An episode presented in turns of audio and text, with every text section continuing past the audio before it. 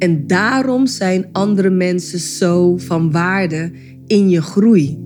Daarom zijn andere mensen dus die spiegels. En op het moment dat je die andere mensen, op het moment dat je dus getriggerd wordt, ten positieve gebruikt, dan kan je dus die aspecten van jezelf gaan helen. Het is tijd dat je afscheid gaat nemen van het oude denken. Zoals jezelf continu te moeten bewijzen, bevestiging te zoeken bij andere mensen en het eeuwig twijfelen aan jouw waarde. Waarom? Omdat jij een unieke goddelijke expressie bent waar er maar één van is. En daarom is nu het moment waarop jij het leven gaat creëren waarvoor jij geboren bent. Je luistert hier naar Cheryl Stuurland, Living with Purpose.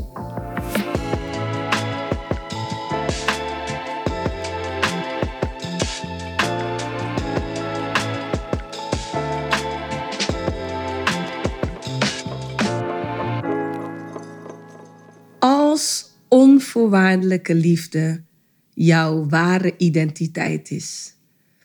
Een van de grote vragen luidt dan: hoe komt het dat jij dat dus niet ervaart? Hoe komt het dat dat nog niet jouw realiteit is, dat je dit ervaart, die onvoorwaardelijke liefde? En dit heeft alles te maken met wat jou is wijsgemaakt gedurende de tijd dat je opgroeide over wie je bent.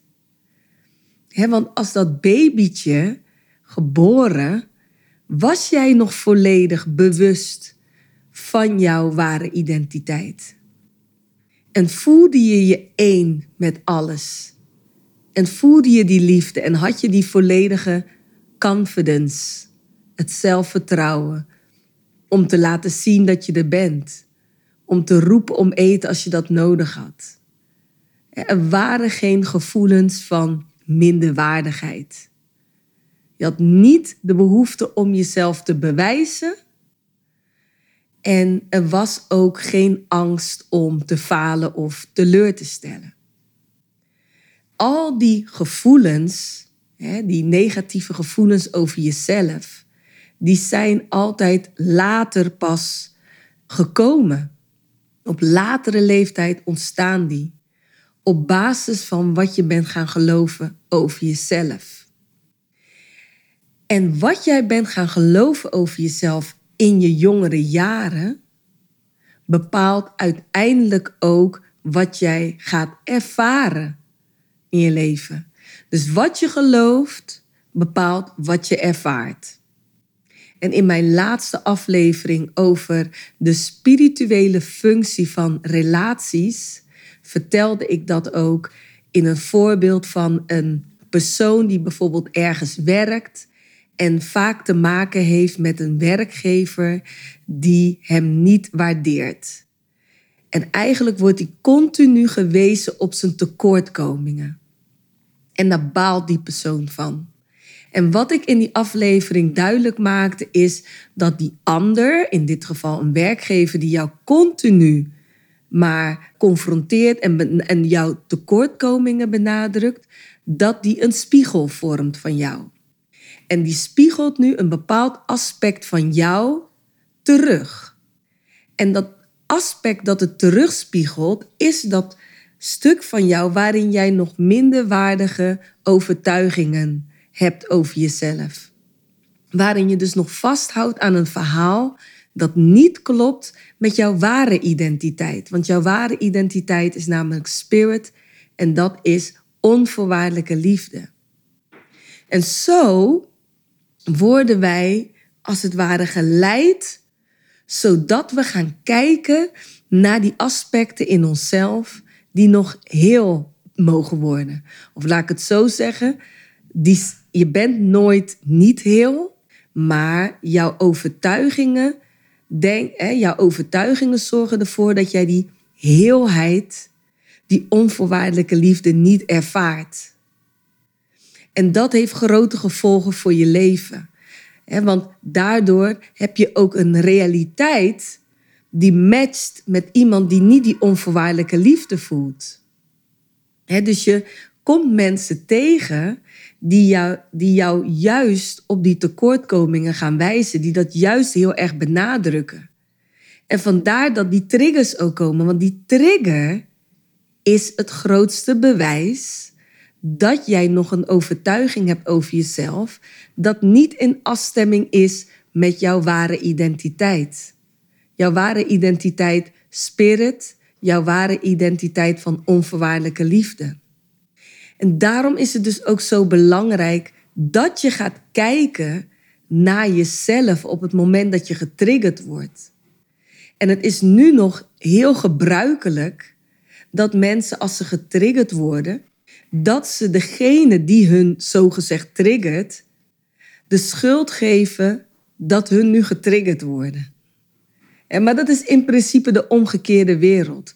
Want in feite zou je diegene moeten bedanken voor het feit dat die persoon door wat hij zegt of door wat hij doet, jou nu triggert. Want dat betekent dus dat er nog een overtuiging in jou leeft die je aan mag kijken.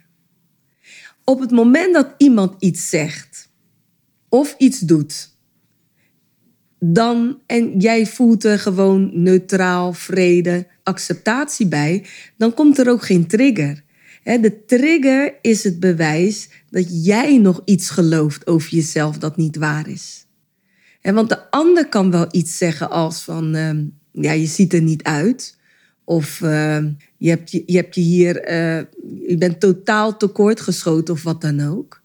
Maar op het moment dat jij het gelooft, dan pas wordt er iets getriggerd namelijk. Er kan namelijk niks getriggerd worden wat niet al in jou aanwezig is. En daarom zijn andere mensen zo van waarde in je groei.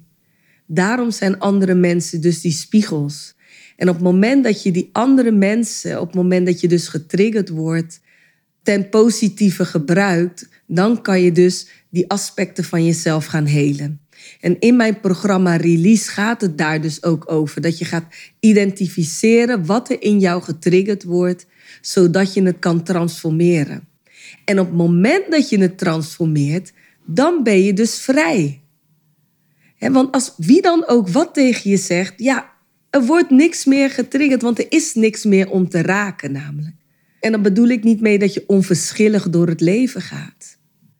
Maar jij kan nu zien, stel je voor dat iemand bijvoorbeeld een opmerking maakt met de intentie om jou te beledigen.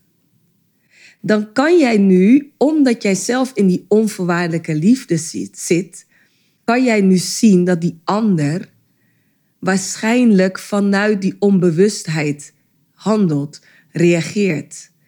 Die persoon die bijvoorbeeld de intentie heeft om jou te beledigen, zit zelf niet lekker in zijn vel en heeft zelf die onvoorwaardelijke liefde niet.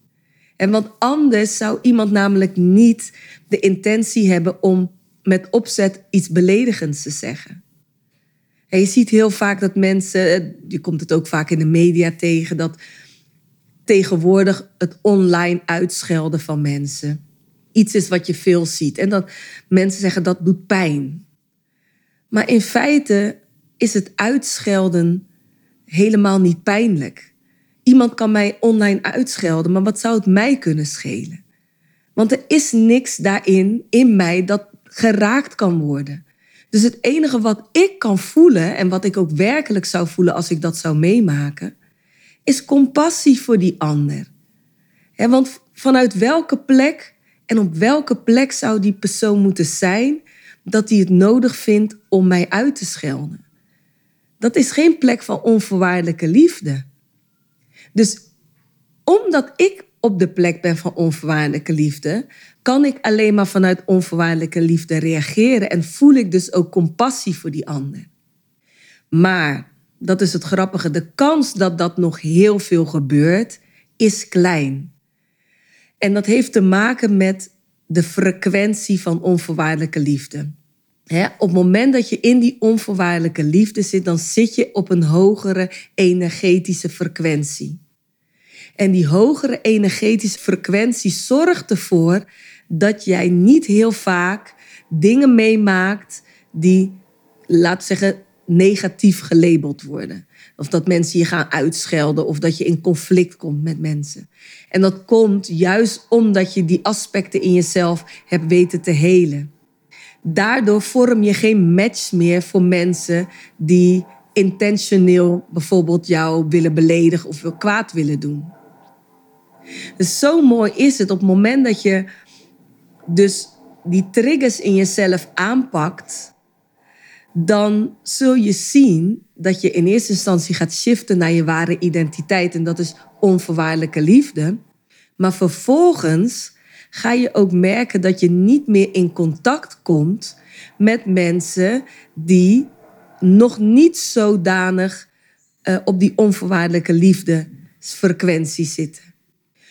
Als je al in contact komt met mensen die dus nog niet in die onvoorwaardelijke liefdesfrequentie zitten, dan zijn ze in jouw nabijheid, zijn ze in ieder geval niet zo dat ze de intentie hebben om jou te beledigen of ruzie met je te zoeken.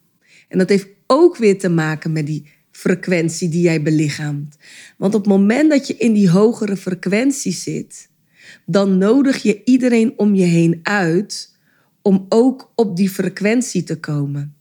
Dus de frequentie die jij dan belichaamt, die straalt dus als het ware ook op jouw omgeving af. Waardoor het zo kan zijn, hè, grote mate zo kan zijn, dat jij niet meer in situaties komt waarbij je dusdanige conflict meemaakt. Of dat mensen je willen beledigen. Hè, of jou kwaad willen doen intentioneel. Dat vindt dan ook al niet meer plaats. Dus jou, je verandert letterlijk je hele realiteit. En daarom zeg ik dus ook van wat jij gelooft over jezelf bepaalt uiteindelijk hoe jij je realiteit gaat ervaren, hoe jij je leven ervaart. En hoe mooi is dat? Dus alles gaat letterlijk, gaat moeiteloos en krijgt de frequentie van vervulling. En dus in jouw ware identiteit stappen is de sleutel naar moeiteloos leven en is de sleutel naar uiteindelijk een leven manifesteren die een afspiegeling is ook weer van jou. dus voel je vrede in je, heb je rust in jezelf, dan creëer je dat dus ook in je leven. dus ik kan me gewoon bijna niet voorstellen dat dit alleen, wat ik nu beschrijf, niet de moeite waard is om die trigger aan te kijken. En het, en het verhaal dat je jezelf vertelt te gaan loslaten. En dus je bent van harte welkom. Binnenkort zal ik weer een uitnodiging doen voor het programma Release. Waarin ik je dus in vier weken, drie weken tijd. De eerste week is een introductie. En daarna gaan we in drie weken tijd identificeren welk verhaal jij jezelf vertelt dat jou weghoudt van het ervaren van die onvoorwaardelijke liefde. Want dat is wie je in essentie bent.